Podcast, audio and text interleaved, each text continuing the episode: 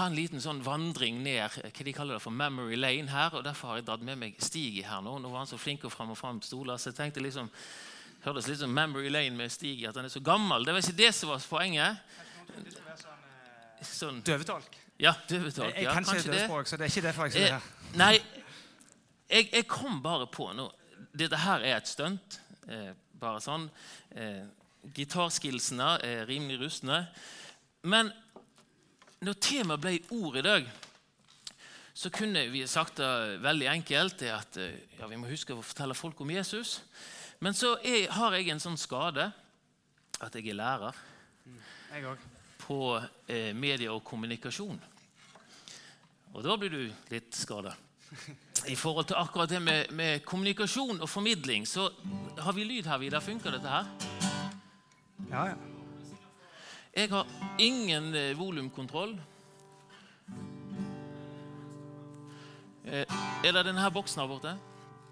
Vi kan jo ta, Hvis ikke, så Jeg og Stig er ikke mer sjenerte enn at vi gønner på uten det. Hører du? Å ja, så fint.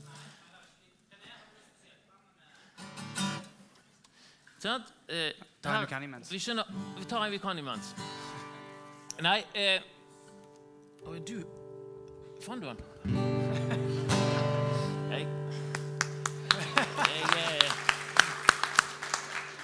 Vi, har, vi har folk med, med utvalgte nådegaver blant oss, og folk som er utrusta for å istandsette de, de hellige til tjeneste. Så der har du Dagens bibelvers. da har vi der dagens bibelvers. Eh, nei, dette her er litt sånn eh, Vi har altså en sang fra min ungdom som ikke i utgangspunktet Min barndom. din barndom. Så i, i utgangspunktet ikke er eh, å si, eh, noe tilhører noe kristen sammenheng, men eh, han har et budskap, så jeg tenkte dette her var midt i banken her i dag. Så hvis noen kjenner igjen når jeg begynner å spille nå, så er det lov å hive seg på. Eh, hvis du kjenner veldig behov for å gripe mikrofonen og synge tredjestemmen, så skal du få lov til det. Men eh, eh, hiv deg med hvis du For det, hvis dere hører det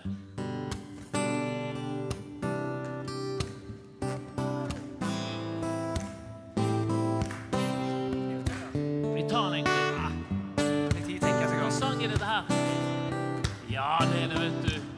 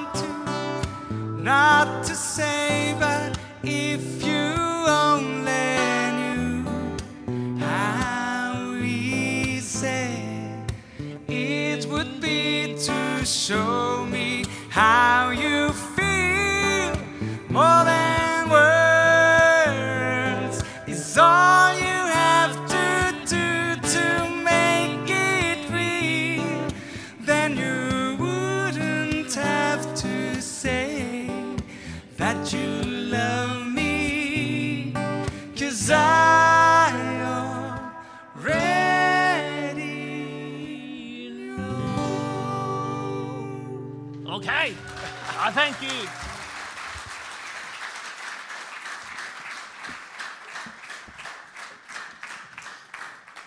Det, det er fantastisk å få sånn overbærende applaus. Dra, dra litt i den. Å, han døtte ned. Han har snudd seg. Der. Takk skal du ha. Eh, poenget her, da, det er Hva, handler denne sangen her om, da? Eh, det, det som han sier det liksom, Dette her er jo selvfølgelig Han sier til kjæresten sin eh, Det at eh, det, det er ikke det at jeg ikke vil at du skal si at jeg elsker deg. Men hvis du hadde visst hvor enkelt det er å vise at du elsker meg, så når du sier det da, så hadde jeg allerede visst det på forhånd. Så når ordene blir lagt på toppen av en handling, så skjønner jeg at du mener det.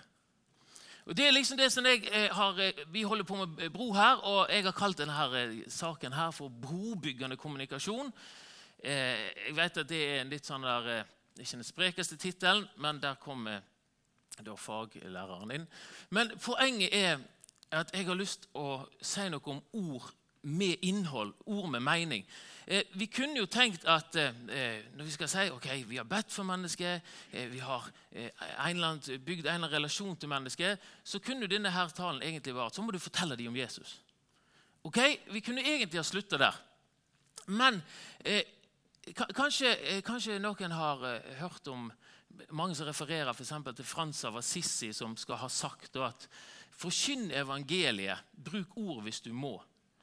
Eh, Det er noen da som trekker det eh, altfor langt og sier at ja, det er bare handling, og så ordet en sånn, nesten sånn unødvendig eh, sak som man bør bruke i minst mulig grad. Det er ikke det han sier. Det han sier, det er jo at når du skal få evangeliet fram, så må ordene på plass, men de må ha et fundament å stå på for at de skal gå gjennom til de som du vil nå ut til.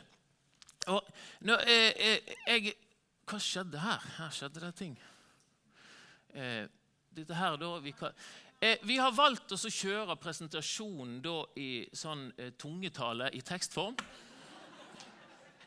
Så vi håper noen av tydningens nådegave. Nei, skal vi se hva vi får til her nå? Skal jeg dra den ut og inn igjen? Jeg rapper den ut og inn igjen. Det er så fantastisk at menigheten er en plass for ufullkomne mennesker. Skal vi se. Der var den opp igjen. Men ok.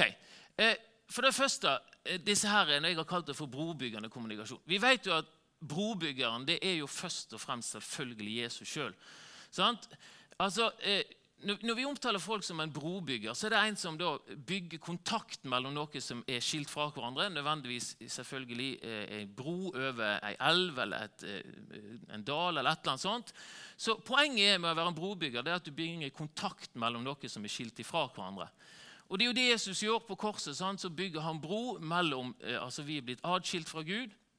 Jesus bygger bro, eh, sånn at det er mulig også å få kontakt med Gud igjen. Eh, Det er selvfølgelig brobyggeren over alle brobyggere.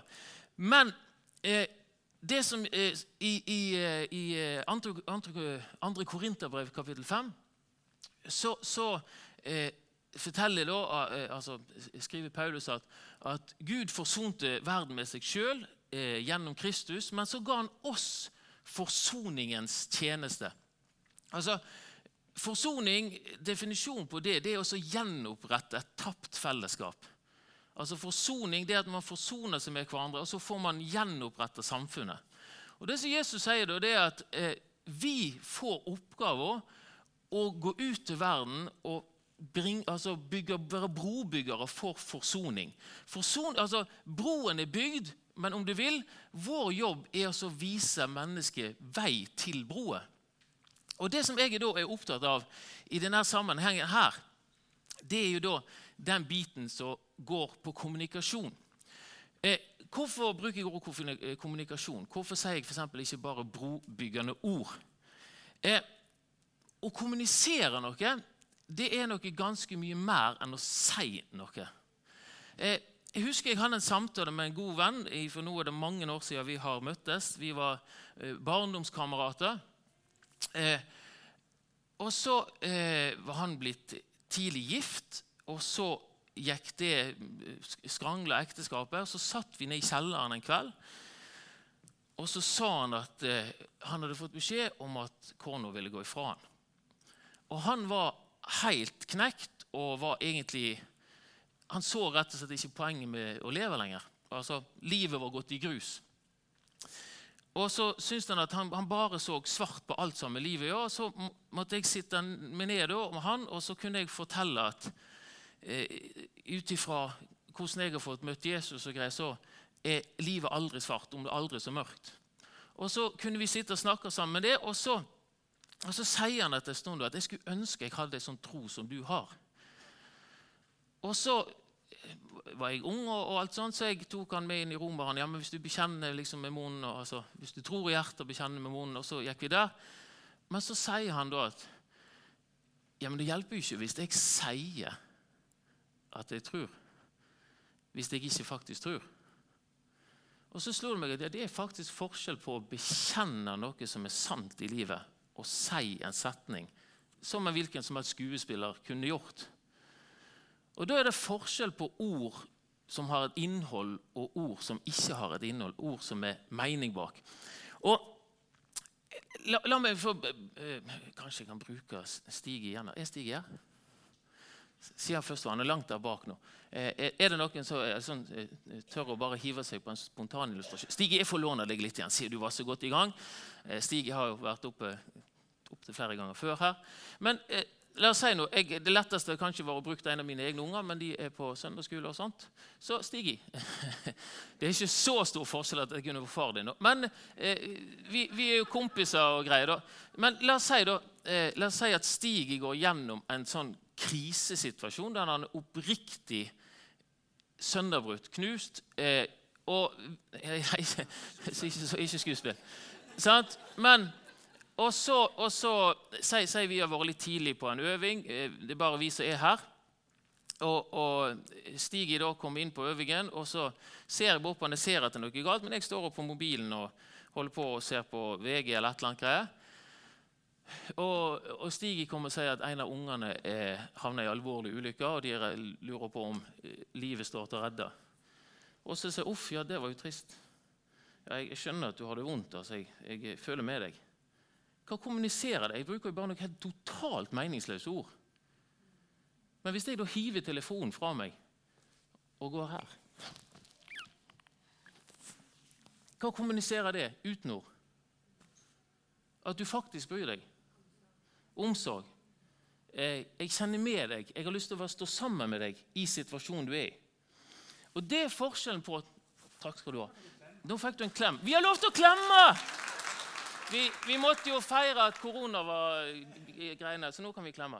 Eh, poenget er her at eh, vi, hvis vi tenker at vi skal være formidlere av evangeliet, så må ordene ha innhold.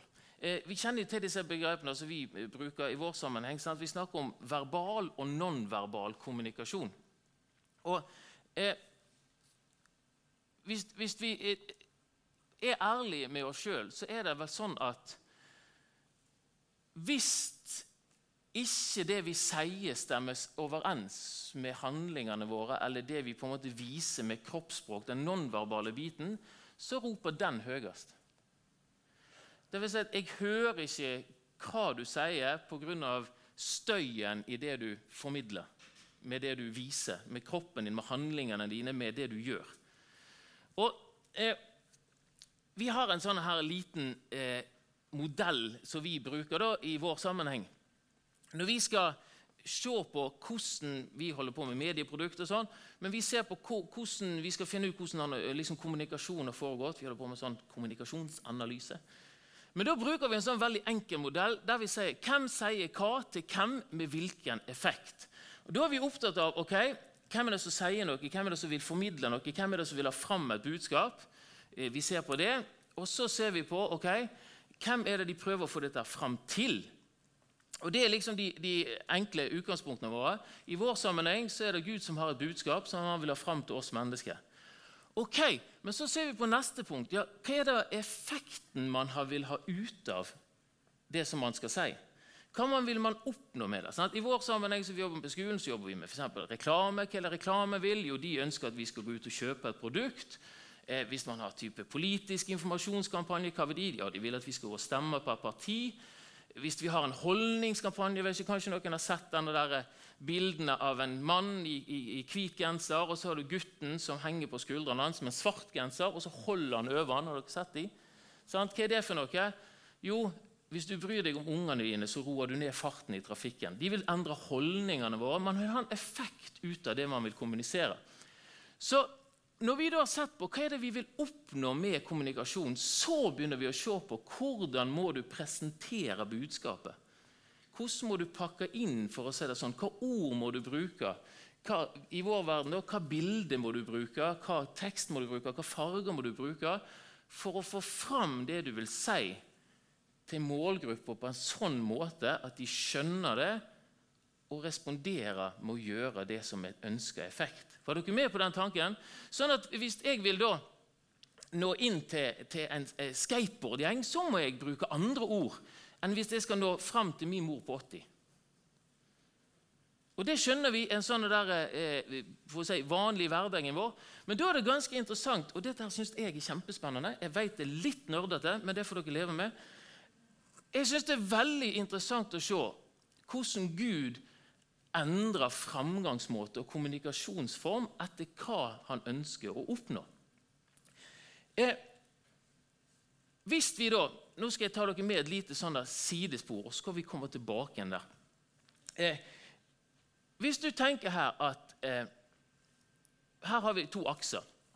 Vi har eh, en akse her som jeg har kalt for mental, eller hva skal du si, hjernekapasitet. Og så har vi en akse som jeg har kalt for fysisk. Eh, nå er det sånn, Velkommen inn i mitt hode. Her foregår litt sånn som dette her. Eh, men hvis du tenker på at innenfor hvis du tenker disse aksene her går fra 0 til 100, eller et eller annet sånt nummer, så kan vi tenke at ok, nede i det venstre hjørnet der, der har vi null. Hvis du har null mental kapasitet, så er du hjernedød. Hvis du har null fysisk kapasitet, så fungerer ikke kroppen i det hele tatt, men du er i live. Hvis du har 100% fysisk kapasitet, så er du maksa ut det som er helt tatt mulig for et menneske å gjøre. Hvis du tenker at du kombinerer verdens sterkeste mann og eh, Jakob Ingebrigtsen og eh, Warhol og høydehoppere og alt altså Du tar bare maksa ut all fysisk kapasitet hos et menneske. Og på mental bit så kan du tenke at okay, vi makser ut det som overhodet er mulig for den menneskelige hjerne å få til. Hvis du makser det helt til topps, så får vi liksom da, hvis du tenker at oppi det hjørnet der, så har du et sånt supermenneske som har maksa ut all kapasitet som er mulig for et menneske å få til. Vi er med på det, Da har vi slått sammen både Einstein og Warholm og Ingebrigtsen og hele gjengen oppi der. Hvis du, tenker, med, hvis du er med på det bildet her at ok, der har vi altså det menneskelige mulige potensialet. Og så kan vi tenke at Gud opererer her. Det synes jeg er veldig interessant. Og Det sier Bibelen noe om at vi i vår visdom kunne ikke fatte Gud. Så gjorde han evangeliet til en dårskap. Eh, eh, Paulus snakker om at eh, nå forstår vi stykkevis og delt. Vi taler profetisk stykkevis og delt. Vi har kunnskapen vår stykkevis og delt. Alt er stykkevis og delt. En gang skal vi se dette her klart når vi ser han ansikt til ansikt. Men enda så sier han rett og slett at å forstå Gud fullt ut, det er dette utenfor vår faktisk mentale kapasitet. Og Det skjønner vi ganske enkelt. For noen som kan prøve å forklare hvordan Gud kan operere i, uavhengig av tid. Hvordan kan Gud liksom være der framme og der bak samtidig? Sånn, da, da, sprenger vi utenfor vår kapasitet. Så kan vi si ja, vi holder oss reise sikkert gjennom noen sorte hull. eller et eller annet greier. Men det er da vi begynner liksom å Dette her dette utenfor det som vi mentalt klarer å fatte. Det som er da først jeg tenker at Dette her maner meg til en viss sånn ydmykhet i forhold til ok, eh, jeg har ikke hele vettet. Det er det første jeg tenker på. Eh, det andre jeg tenker på, det er jo det at når Jesus kom inn i verden jeg, jeg, skal ta og lese dette her først, Johannes 1. Altså, når Gud skal da kommunisere og skal få fram evangeliet, så velger han å snu på flisa. Vi skal gå litt tilbake til dette. Men altså, I begynnelsen var ordet. Altså, ordet var helt i starten. Ordet var hos Gud, og ordet var Gud. Så hopper vi til vers 14, og så ble ordet menneske og tok bolig blant oss. Og vi så hans herlighet, en herlighet som den enbårne sønnen har sin far, full av nåde og sannhet. Så når da Gud skal kommunisere eh, evangeliet til oss, så velger han å trå inn i vår kompetanse, kapasitet, der vi kan forstå han, og så blir han menneske for å få evangeliet fram til menneskene. Hva hadde skjedd tidligere hvis vi leser videre her i Johannes 1? I begynnelsen av ordet videre, Ordet ble menneske og tok bolig blant oss. Og så, i vers 16.: Av Hans fylde har vi alle fått en nåde over. For loven ble gitt med Moses, og nåden og sannheten kom ved Jesus Kristus.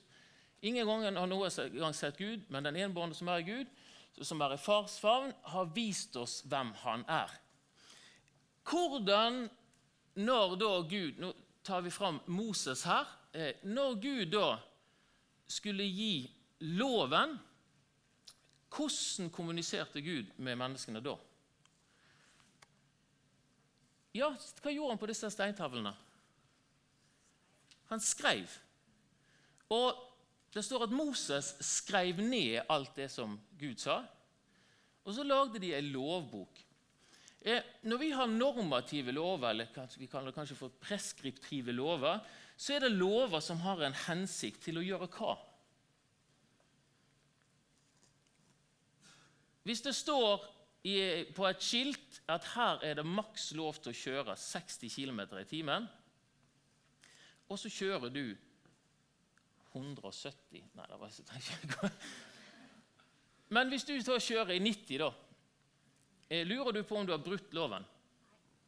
Lurer du ikke på det. Det er hele poenget med et lovverk. Det er å gjøre folk til lovbrytere hvis de bryter loven. Og da vet du at det kommer en dom. Hvis politiet har tatt deg, så får du en bot.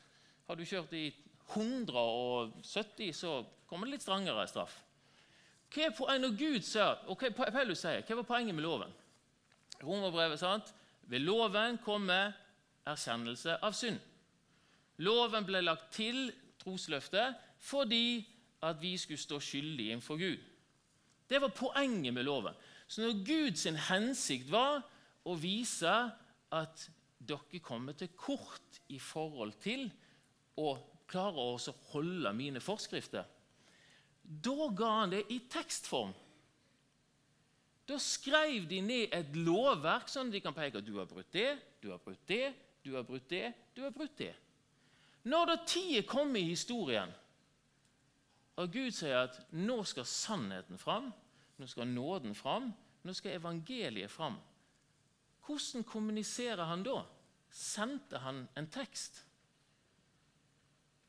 Da trer han sjøl inn i verden, og så sier han 'se på meg'.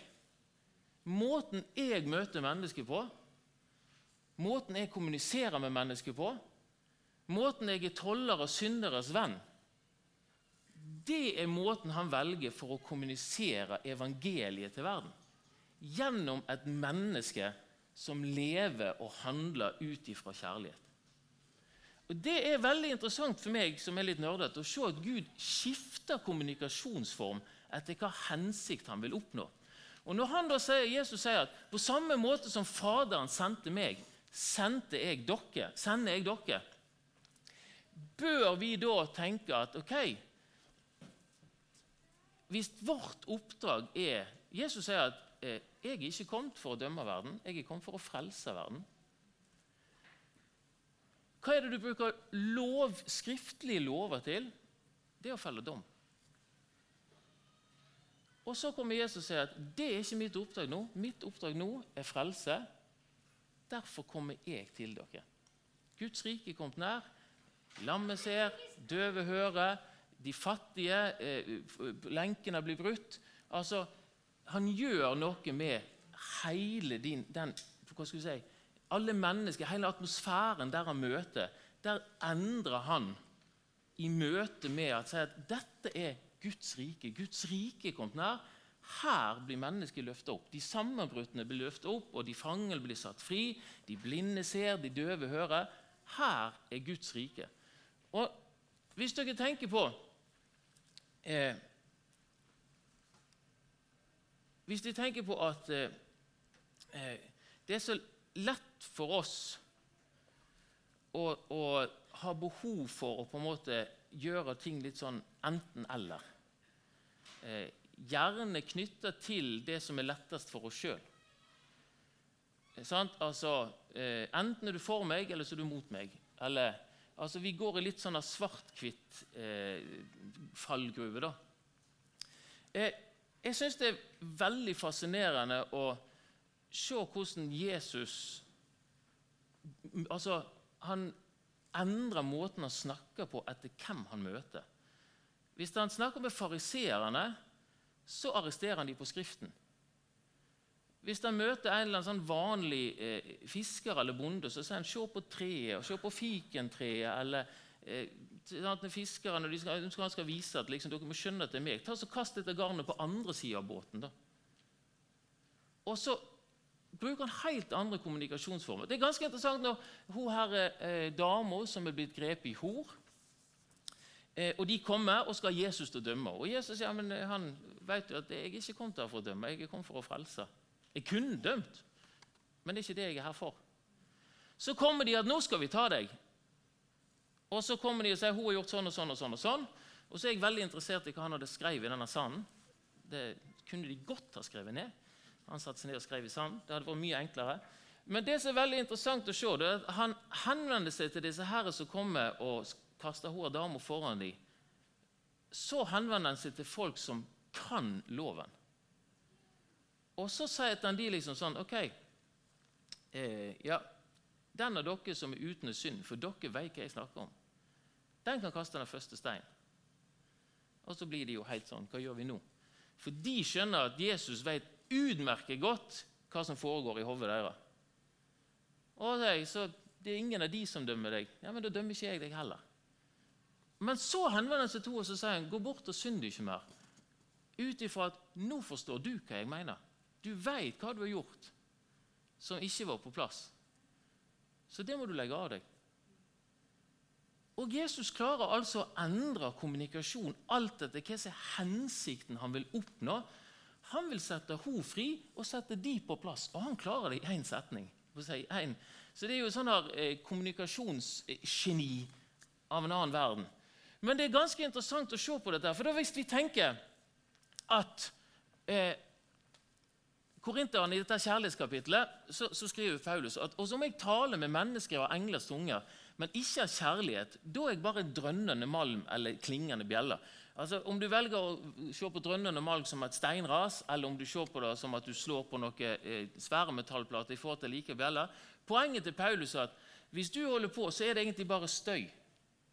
Hvis ikke du har et kjærlighetsfundament for det du sier, hvis ikke ordene dine har et innhold som er basert i kjærlighet, da er det bare støy. Om jeg har profetisk gave, kjenner all hemmelighet og eier all kunnskap, og jeg har tro så jeg kan flytte fjell, men ikke har kjærlighet, da er jeg intet. Og Det som da Paulus peker, det er akkurat som jeg ville kalt for den nonverbale og den verbale kommunikasjonen, eller more than words. Det er at Du kan ha alt mulig på toppen, men hvis ikke det er kjærlighetsbasert i bunn, så bommer vi på det som er hensikten med vårt oppdrag, og skal være forsonende for, eh, for mennesker ute i verden. Og eh, Jeg synes det var ganske, jeg kom over, Dette her har jo ingenting med det å gjøre, men jeg kom over altså et lite bilde her. Dette her er jo et eh, eh, selskap som holder på å planlegge boligområder. og sånt, så det har ikke så med det å gjøre. Men det som de sa, da, de ville bygge fungerende fellesskap, fungerende samfunn. Altså samfunn der man klarte å eh, skape et godt miljø å bo i.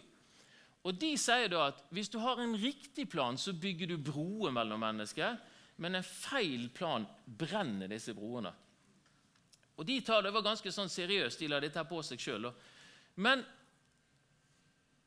skal vi bygge eller skal vi brenne broer? Eh, selvfølgelig skal vi bygge broer. Men Jesus sier altså til disse skriftlærere og fariseerne i Matteus han sier, 'Ved dere skriftlærde og fariseere, dere hyklere, dere stenger himmelriket for mennesker.' 'Sjøl går dere ikke inn, og de som vil gå inn, de slipper dere ikke inn.' Hvordan kunne fariseerne hindre at folk kom til Gud? De bygde jo murer og som sa at ja, men du er jo ikke god nok, du har ikke oppfylt nok. Du må gjøre alle disse tingene, du må forholde deg til, og du må gjøre alle disse stegene. Og, og de lagde en sånn der umulig plass. Jesus han peker jo, han står der og ser på disse her som kom til bønn i tempelet. og Så er det en som står der, og så takker han Gud for at han ikke er sånn som han der slasken der borte som ikke får til noe som helst. For jeg, jeg gir tiende, jeg gjør alt som er riktig og greier. og jeg har liksom hele greiene på stell. Og så sier Jesus disiplene, til han andre som står og banker seg for brystet og sier meg, ved meg, se i nåde til meg. Jeg er en synder, og jeg klarer ikke å få dette til. Så sier Jesus at han gikk rettferdig hjem. Men han andre han trodde han var rettferdig, så han gikk ikke rettferdig hjem. Det er ganske interessant hvor Jesus er ekstremt på at vi ikke skal liksom lage det vanskelig å bygge høye murer og liksom at man skal oppfylle noe greier. Og det har, jeg må jo innrømme det, at jeg har jo vært borte i miljø der man har valgt å bruke da Bibelen og Det nye testamentet som en ny lov. Der man stiller kravene så høyt og så vanskelig at du må få til dette her, så kan vi se på saken. Istedenfor hva er vårt oppdrag? Johannes evangeliet, både kapittel 14 og kapittel 16, forteller Jesus om at når Den hellige ånd kommer, så skal han lære deg alle ting. Han skal veilede deg til hele sannheten. Han skal vise verden hva synd er. Han skal minne dere om alt jeg har sagt. Han sier til og med til, til, til disiplene i kapittel 14 så sier han at enda har jeg mye å fortelle dere, men dere tåler ikke å høre det enda. Men når Helligånden kommer, så skal han ta seg av det. Hvorfor ga ikke Jesus de bare Nå før jeg reiser, så skal jeg bare løpe på alt som må være på plass innen dere legger inn årene når dere er gamle. Hvorfor gjorde han ikke det? For Han sa at dere tåler ikke bære det ennå. Hvis jeg hadde kjørt ut nå hele greiene, det som kommer til å ligge i deres framtid, så hadde dere kollapsa.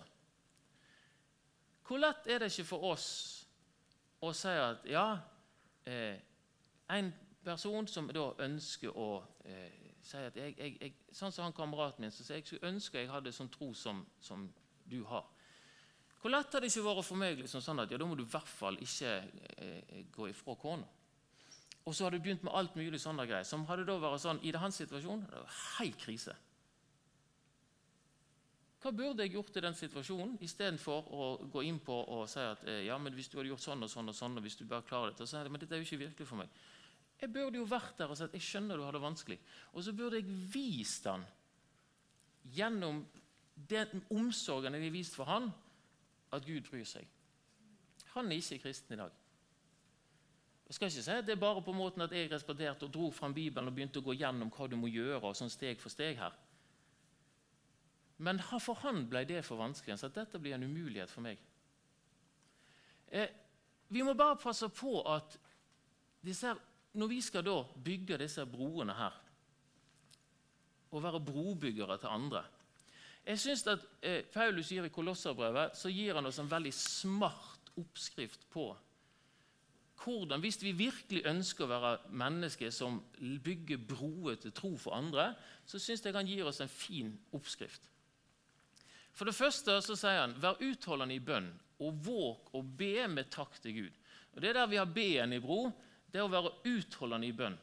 Altså, Hvor lett er det ikke å, å begynne å havne i en eller annen diskusjon eller et eller annet greier, eh, og så tenke at her skal vi ikke diskutere folk i senk? Anbefalingen er start i bønn. Hold ut i bønn. Be for sånn så, eh, det står også, sant? Be for byen jeg har utsendt dere til. Sant? Og, og eh, Jeg står vel i Jeremia.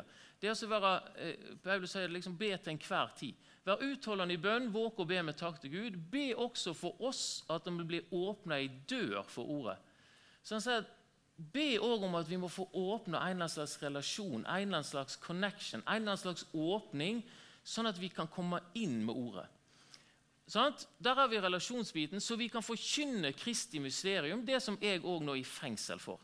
Og Så ber han for seg sjøl. Be òg om at jeg må tale sånn som jeg skal når jeg gjør evangeliet kjent. Så til og med For Paulus var det ikke en selvfølgelighet hvordan han skulle formidle evangeliet i enhver situasjon. Han sa at be for meg at når jeg kommer i situasjoner at jeg gjør dette her på riktig måte. Så sier han at 'gå fram med visdom blant de som står utafor'. Det skal vi oversette det med 'bruk hodet'. Altså, tenk, liksom, La det være innom liksom, fornuftssenteret her oppe. Gå fram i visdom. Tenk gjennom, reflekter over greiene blant de som står utafor, og bruk den dyrebare tida godt. La alt dere sier, være vennlig. Veldig godt utgangspunkt. Hvis folk opplever at jeg faktisk bryr meg om det Vennlig betyr jo å være vennlignende, altså eh, om du vil. Altså, jeg er faktisk jeg, jeg, har, jeg, oppfører meg mot deg som om det skulle, skulle vært en av mine venner. Jeg taler til deg som en venn. La alt dere sier, være vennlig, og så står det og la det salt og kraft, så dere vet hvordan dere skal svare når det kommer spørsmål. Hva ligger det i å salt? Hva funksjon har salt? Ja, det er en bevarende funksjon. Hva er kraftfunksjonen? Ja, Det er noe som kan skape noe, noe som kan bygge noe. Så egentlig sier han at ja, la ordene deres ha innhold som både bygger opp og bevarer. Paulus er veldig på det. Liksom, tomt prat det er ikke så interessant. Sånn tåpelig snakk og masse sånn drittslenging og sånn, det er, han, det er, liksom, det er greiene. Legg det ifra dere. Men la ordene deres ha innhold, sånn at de faktisk bygger opp og tar vare og gjør noe med folk. Så dere vet hvordan dere skal svare hver enkelt. Og det er det som jeg tenker at Hvis vi skal eh, nå ta og tenke at broprosjektet vårt det er nettopp ikke bare et prosjekt. Altså At vi tenker at ok, la oss få en kultur av at vi ber for mennesket, vi velsigner mennesket. Hver for oss er, og har på en måte, Vi har tatt, eh, levert ut bønnelisten av dette. greiene, Men at vi, vi, får en kultur av at vi bruker det. At vi husker på folk med navn. At vi får liksom tenke at ok, eh, la oss be for alle som er i trenere og fotballag og lærere og sykepleiere og politikere. Og så, la oss være folk som virkelig tar et ansvar i å løfte plassen vi er, bygda vi er, i det hele tatt, politikere, Sandnes Løfte de framfor Gud. For det er tøft å stå ute i verden. Og det ser vi, vi er jo en del av verden sjøl. Men hvis vi får en kultur at vi ber for mennesket Vi får en kultur av at vi bygger relasjoner til mennesket. Vi er gjestfrie, vi møter folk, og at vi alltid snakker vennlig med folk. Eh, vi, eh, bryr oss faktisk om folk vi møter. Vi, klart, vi vet vi har våre begrensninger, vi har våre kapasiteter osv. Alt dette som skjer. Men vi får en kultur av at vi er åpne og inkluderende mennesker. Og vi får en kultur av at vi tenker oss om før vi taler. At vi tenker at de ordene jeg vil tale nå, eller vil si til deg, de skal stå på et fundament som gjør at du kjenner at jeg bryr meg. Et fundament av kjærlighet.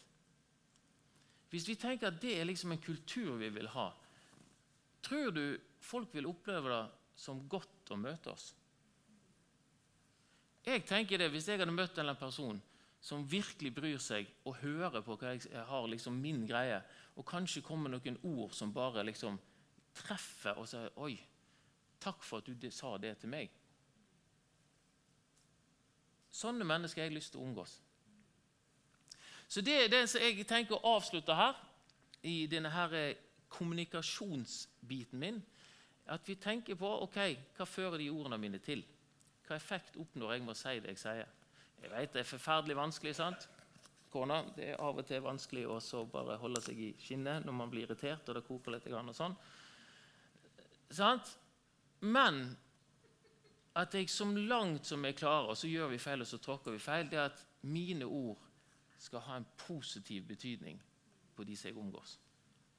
Jeg vil være en som bygger opp og ikke river ned. Og Av og til for all del, vi vet at av og til må man være streng.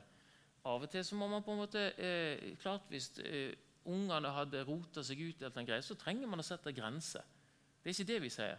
Men at ordene alltid skal være fundamentert i kjærlighet. At man oppriktig bryr seg. Jeg kan bare ta og avslutte med det. Jeg hadde en, en runde med elever fra den internasjonale skolen i Sandnes. de er jo herlige. De har jo så god, de, liksom, de takker for når de går ut av timen. og Det er liksom sånn der, det er skikkelig struktur på tingene. Og så skulle jeg ha en liten greie til de om kommunikasjon. da. Så satt jo de i klasserommet, de satt jo fint lina opp og greier. sant? Og så bare kom jeg inn døra og smelte den igjen som da hele døra holdt på å ramle av veggen. Og bare stimte rett bort til PC-en mens jeg liksom sa 'God morgen'. Og de var jo helt liksom Hva er det som skjer her nå? Men det var jo hele poenget mitt. Jeg sa at Fikk dere en god morgen nå? Nei, De var jo helt stressa. De skjønner jo hva er det som skjedde. Er det liksom, hva har du opplevd i dag? Så spør de, ja, hva var det jeg egentlig kommuniserte til dere nå. Ja, Du fortalte oss at du har hatt en elendig morgen. Og hvis vi møsser blyanten på gulvet nå, så smeller det. liksom. Altså, det var liksom sånn, ja, Så dere fikk ikke en god morgen. Så sier jeg, ja, Hva tror dere var min hensikt hvis jeg hadde snakket til dere sånn? Ja, Det var jo nettopp for å la oss få vite at du er dritsint. Ja, så Jeg var ikke interessert i å ønske dere en god morgen. Det var jo ganske tydelig. Altså, Ordene mine hadde null innhold. Så spør jeg hvordan skulle jeg gjort det hvis jeg virkelig ønsket at dere skulle hatt en god morgen. Så sier jeg du kunne jo sett oss i øynene og liksom sagt hei og spurt liksom, ja, hvordan har dere hatt det i helgen, og hvordan gikk det med fotballkampen. og sånn. Da viser du at du bryr deg om faktisk at vi har en god morgen. Ja, så Det holder ikke bare å si god morgen. Nei, du må faktisk vise at du bryr deg. Så la oss vi avslutte her nå med disse her skremte eh, eh, elevene fra den internasjonale skolen. Så jeg har lyst til bare at vi, mens lovsangsteamet kommer opp her, så jeg lyst til bare, og Hvis noen vil være med og be, så kjempefint for det.